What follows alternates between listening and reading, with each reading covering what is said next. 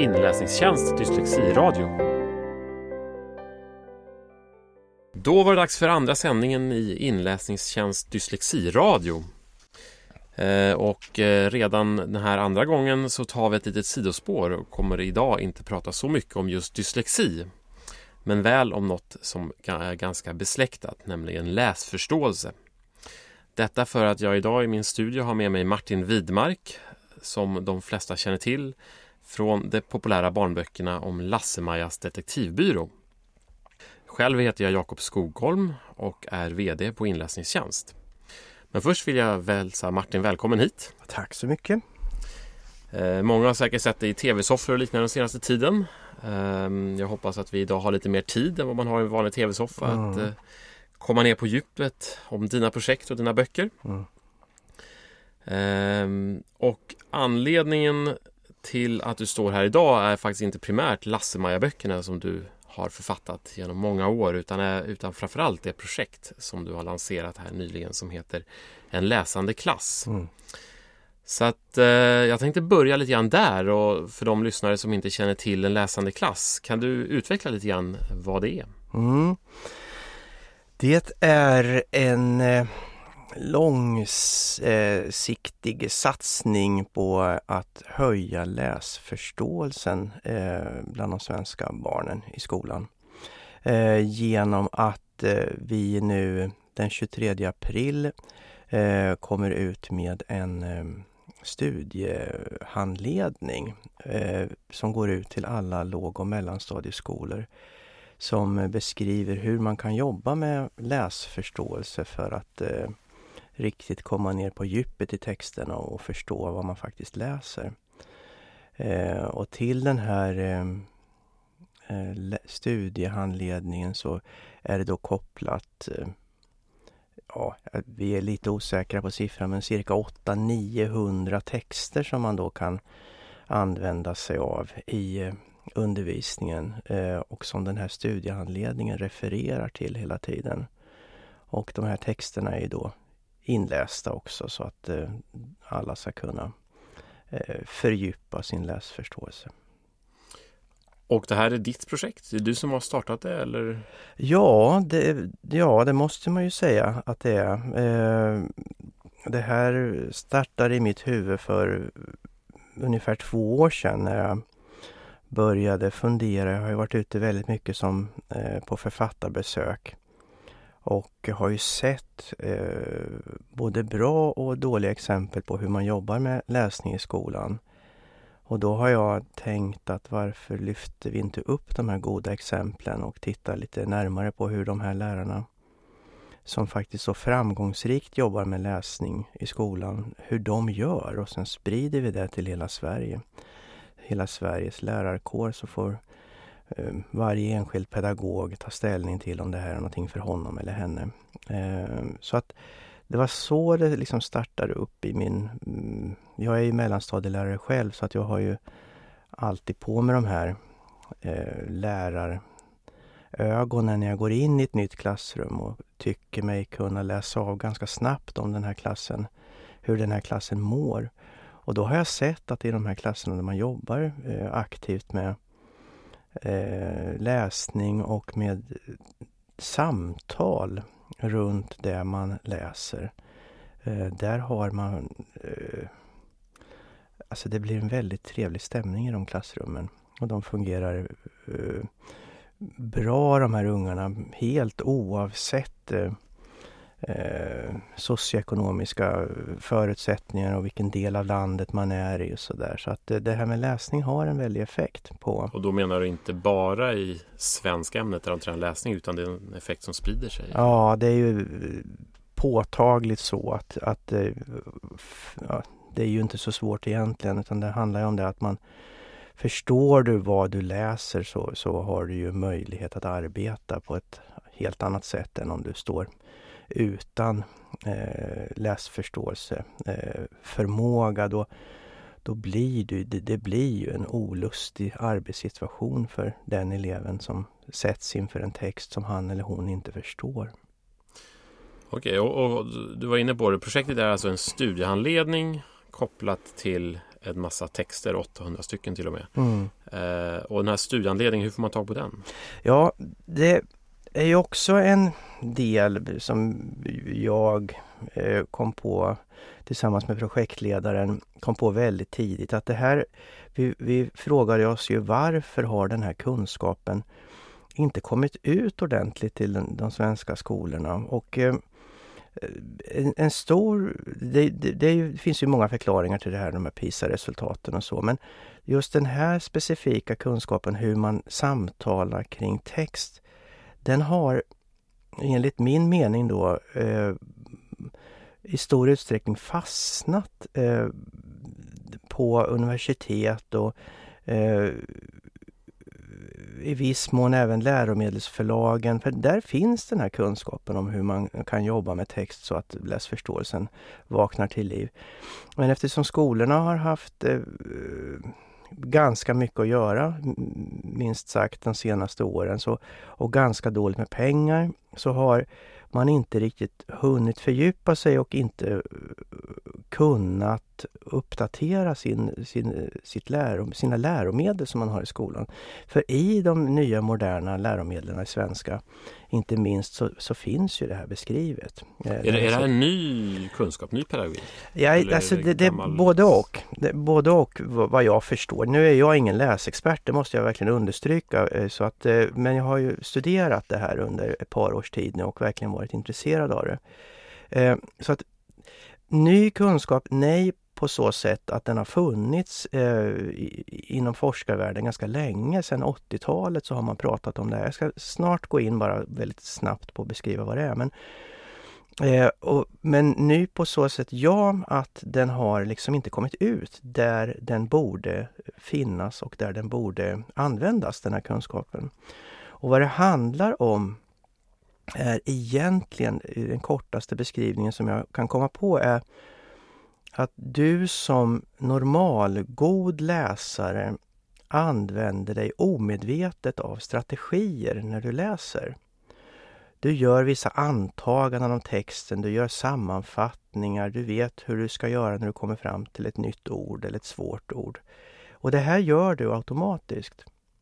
Men för att få barnen att göra samma sak så måste man överföra den här, de här strategierna till barnet. Och då är ju förstås det första steget att man själv förstår vad man själv håller på med när man läser en text. Hur, hur min egen hjärna jobbar när jag, när jag använder de här strategierna. Och då är det egentligen, det är ingen quick fix det här, men det är, det är inte så här jättesvårt. Det är det verkligen inte. För när du själv får syn på vad du själv gör när du läser så har du också möjlighet att överföra det till barnen som håller på att lära sig läsa. Och då är du väldigt nära inne på hur funkar de här strategierna? Ja, de, ja de, nu har man ju varit så listig då olika kloka människor eh, som har bidragit. Eh, det här är forskning som Monica Reichenberg och Barbro Westlund har drivit och Ingvar Lundberg och de här stora svenska läsforskarna. Och då har de varit så listiga så de har liksom satt de har personifierat de här strategierna. Så man har gett eh, en strategi en karaktär. Så om vi säger att vi ska förutspå vad den här texten kommer handla om, då eh, kallar vi det för spågumman. Och om vi ska göra en sammanfattning av vad texten handlar om, då kallar vi det för cowboyen som samlar in saker med sitt lasso. Detektiven reder ut nya ord. Reporten ställer frågor till texten. Till exempel om man läser om en pojke som lägger sig på golvet och sparkar och skriker så ställer reporten frågan varför gör han så? Vad är det som har hänt? Och sen slutligen så har vi i projektet här lagt till en femte eh, läsfixare eller en, in, eh, en personifierad strategi som vi kallar för konstnären. Som hjälper till eh, att starta upp de här inre bilderna som vi normalgoda läsare känner när vi läser en text. Att det, vi känner hur det luktar och hur det smakar och hur solen värmer mot huden och sådär. Så att de här fem strategierna har man då satt karaktärer på så att de går att förklara för barn. Och då sitter ungarna i klassrummet med, ibland med, med, med de här eh, spågumman och cowboyen och detektiven och reportern och konstnären och så sitter de med kort framför sig och sen så eh, läser läraren högt i texten Eh, och sen så räcker plötsligt en, en pojke eller flicka upp eh, bilden av spågumman och säger att jag slår vad om att det kommer och det här kommer hända eller att eh, han kommer att glömma sin gympapåse eller vad det kan vara. Så att det är ett sätt att synliggöra sina egna strategier för att kunna överföra dem till barn. Och ursäkta, studiehandledningen går igenom det här arbetssättet? Då, ja, och, och, som du frågade då, hur kommer man då i kontakt med det här? Så går den här ut gratis, den här studiehandledningen. Den är en jättefin tjock bok på 250 sidor. Eh, som heter En läsande klass. Eh, och den kommer gratis till alla låg och mellan och eh, särskolor i landet. Eh, och den ska ha landat på i lärarrummet den 23 april. Det var bra. Mm. Och de som inte, det kanske är hugg, huggsexa i lärarrummet mm. kring denna, de som ja. inte får den. ja, ja det, är ju, det, det, är ju så att, att vi har ju, det här är ett samarbete som vi har gjort med alla förlagen i Sverige. Eh, och då säger jag vi nu och då menar jag projektet En läsande klass. Och vi har ju diskuterat och vi har berättat och vi har förklarat vad vi vill och hur vi tänker. Och då har förlag och eh, illustratörer och tecknare i, till nästan 100% sagt att det där tror vi på. Det där känner vi att det där är det ligger i linje med vad vi också tror att det här måste göras en, en bred och långsiktig satsning för att få tillbaka läsförståelsen i svenska skolor. Och därför har de upplåtit sina texter gratis till projektet. Och då har vi känt att då kan inte vi vara hur, vi kan inte vara hur generösa som helst mot skolorna för då konkurrerar, slår vi undan benen på de som i sin dagliga verksamhet håller på med det här. Eller slår undan benen, men vi konkurrerar på ett oschysst sätt. Eh, eftersom de har ställt upp så otroligt eh, storsint mot oss så har vi sagt att vi trycker 8000 böcker. Eh, och sen distribuerar vi dem. Eh, och sen så får man, om man vill ha en egen bok, gå in på hemsidan som också öppnar den 23 april och eh, hämta hem pdf-en av boken. Så kan man trycka ut hela boken eller delar av den själv så att säga. Men, men då kommer vi aldrig att sälja boken och vi har tryckt ett begräns, en begränsad upplaga och så. Om, om, du skulle jämföra den här boken då som mycket handlar om eh, med det som finns mer kommersiellt. Liksom. Mm. Du sa själv att det har fastnat hos förlagen i vissa fall. Är det någonting speciellt med den här boken i jämförelse med de andra böcker om läsförståelse och lässtrategier som finns? Eh. Jag måste erkänna att jag har, har inte sett allting som finns som har getts ut i ämnet men jag tror att Eh, om jag inte pratar om eh, andras eh, böcker utan den här boken som jag själv har varit med och, och satt ihop. Så kan jag säga att den här boken är eh, Det här är ju alltså veckoplaneringar ner på detaljnivå. Så det är Vi förutsätter då att man viker 30 minuter om dagen åt det här eh, för att det ska ge den effekten eh, som, som, som man vill ha. Eh, och då är den väldigt, den här boken är väldigt, väldigt detaljerad och väldigt hands-on. Alltså det här är skrivet av fem stycken lärare som jobbar med de här strategierna dagligen i sin dagliga verksamhet. Den är skriven av lärare direkt för lärare.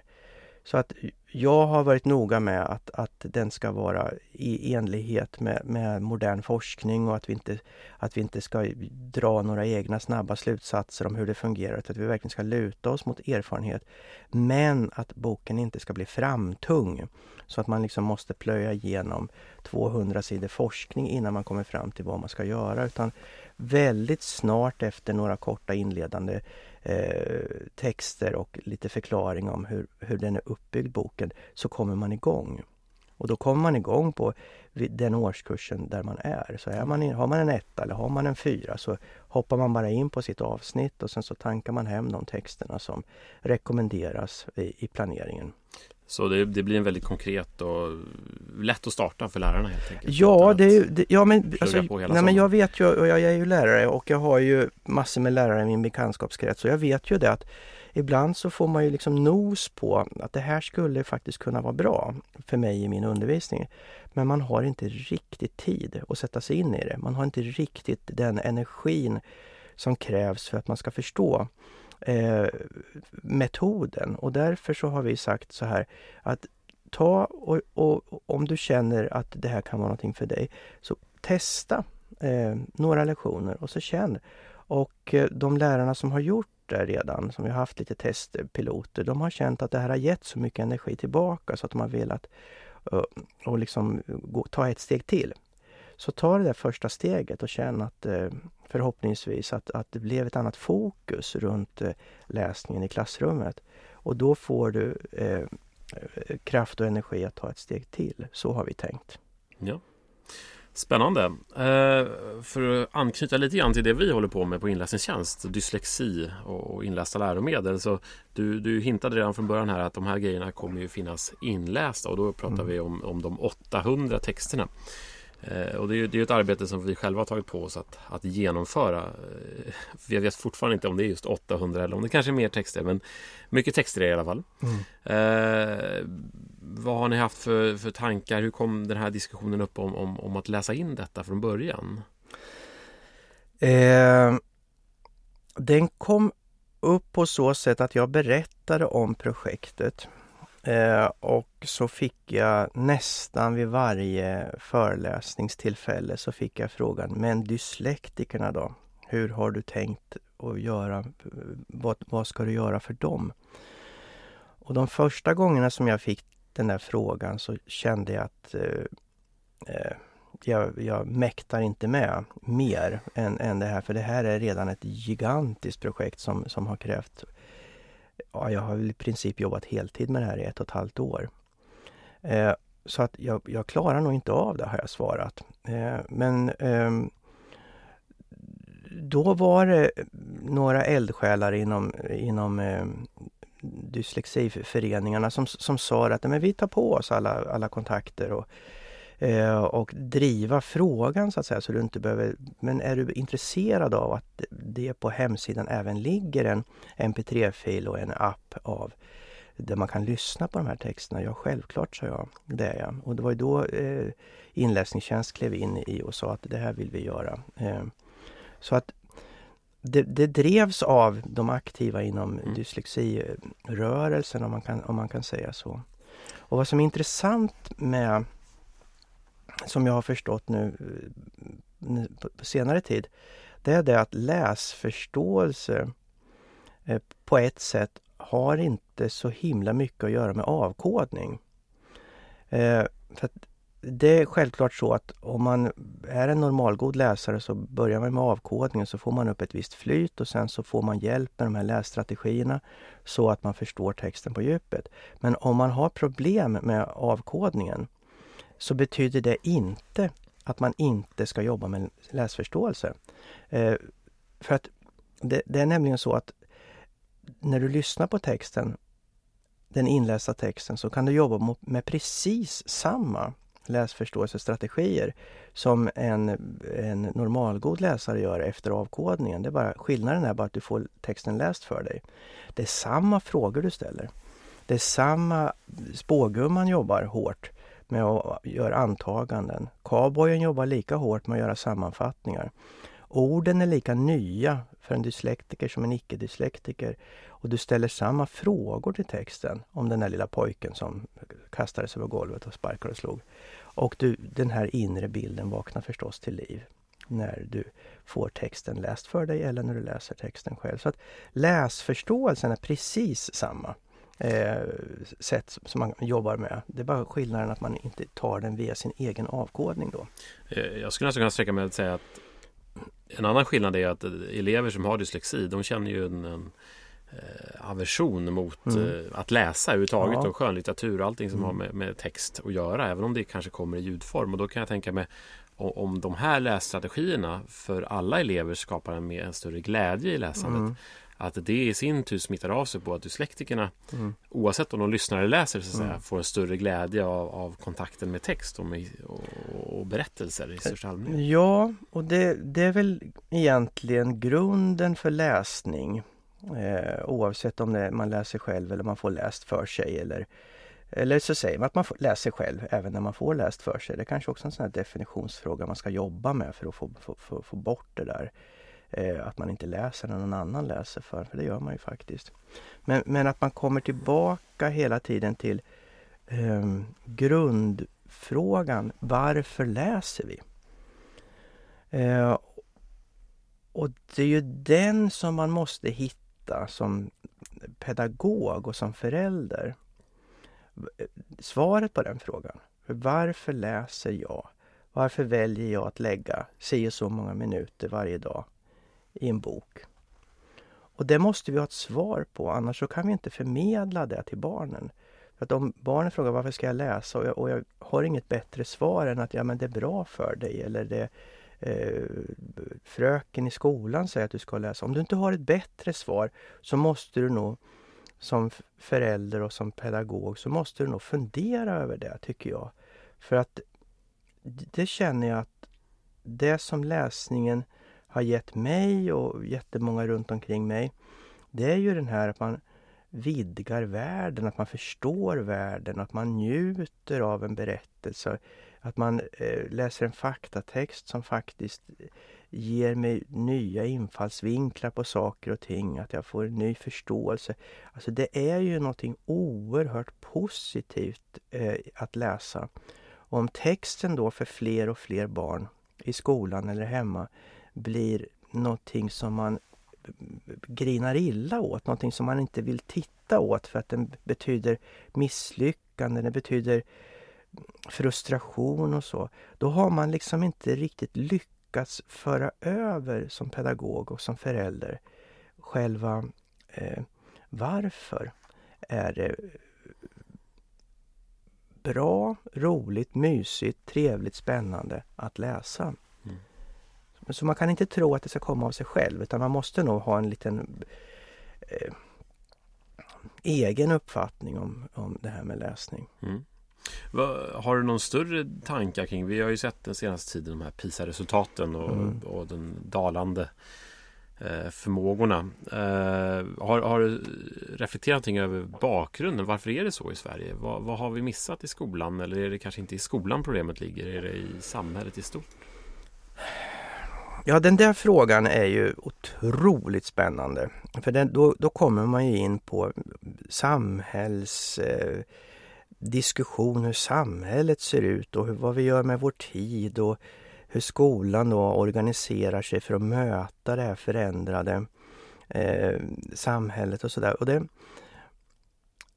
häromdagen så slog, slogs jag av tanken, alltså det finns så många förklaringar till det här. Eh, delförklaringar till varför PISA-resultaten ser ut som de gör. Men häromdagen så slogs jag av en jätteintressant tanke.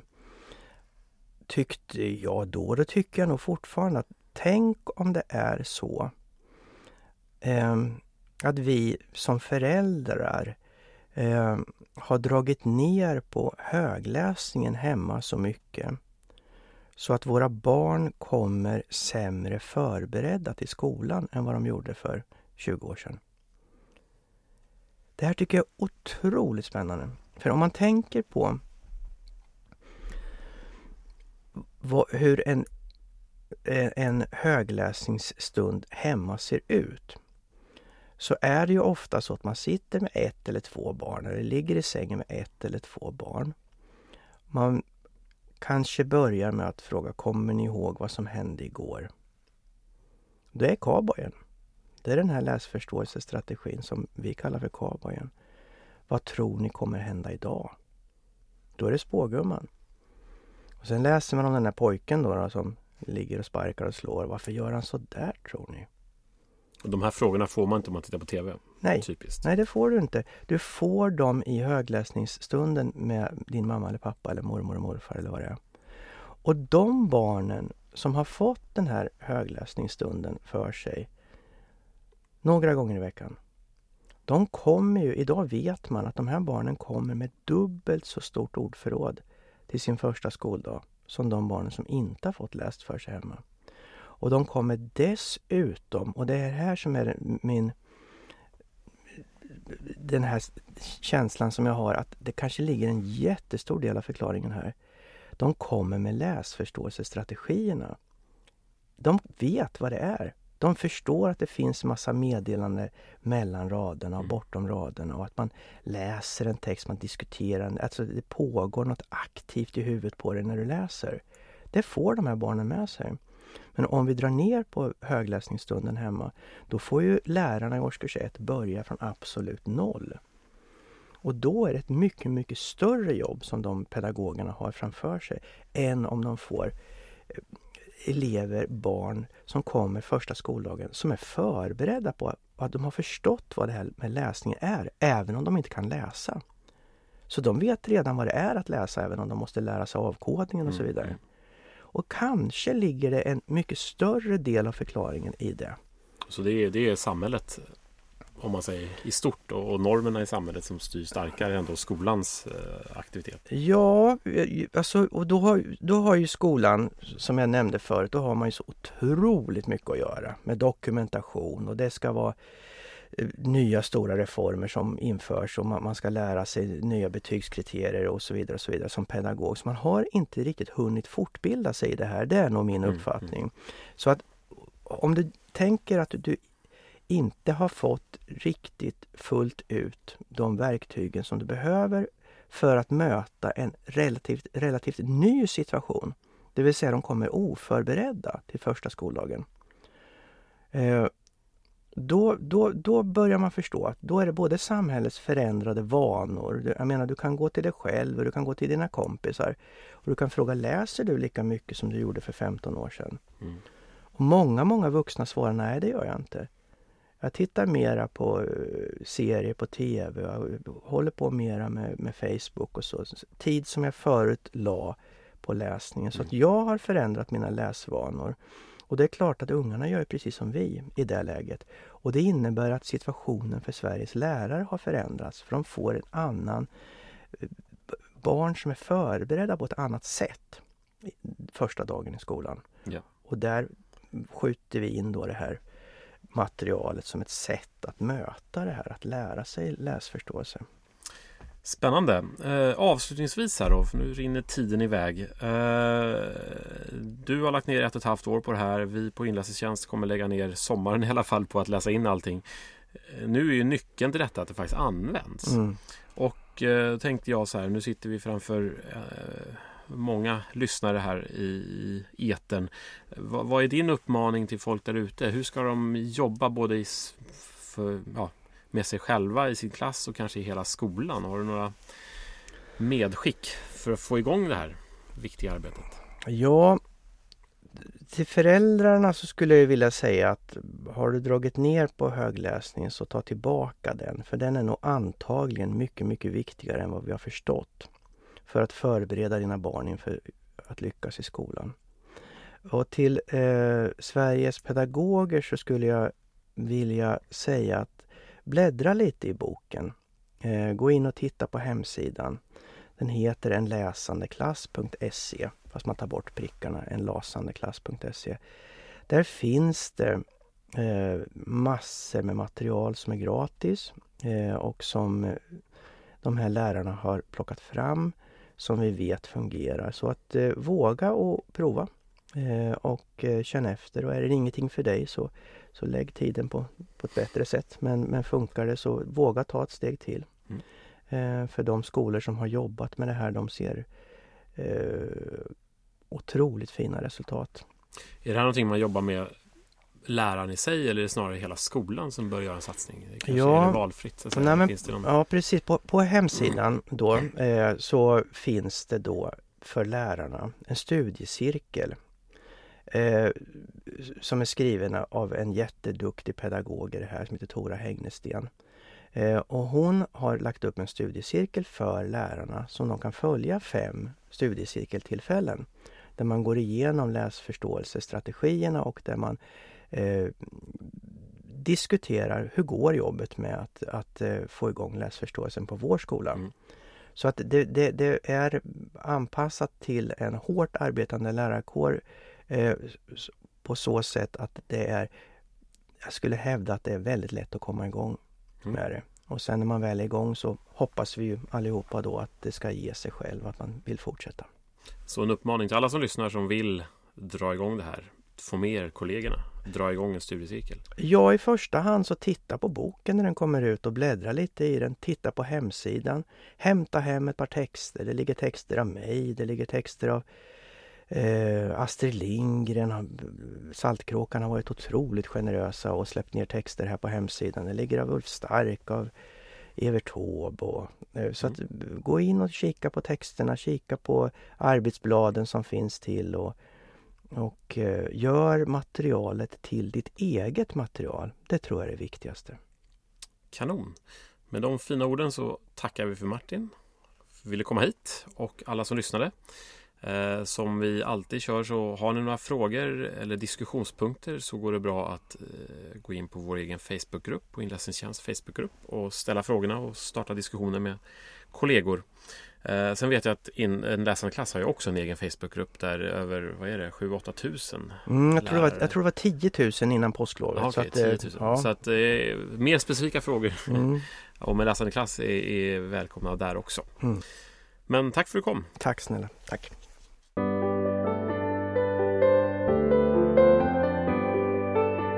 Inläsningstjänst Dyslexiradio.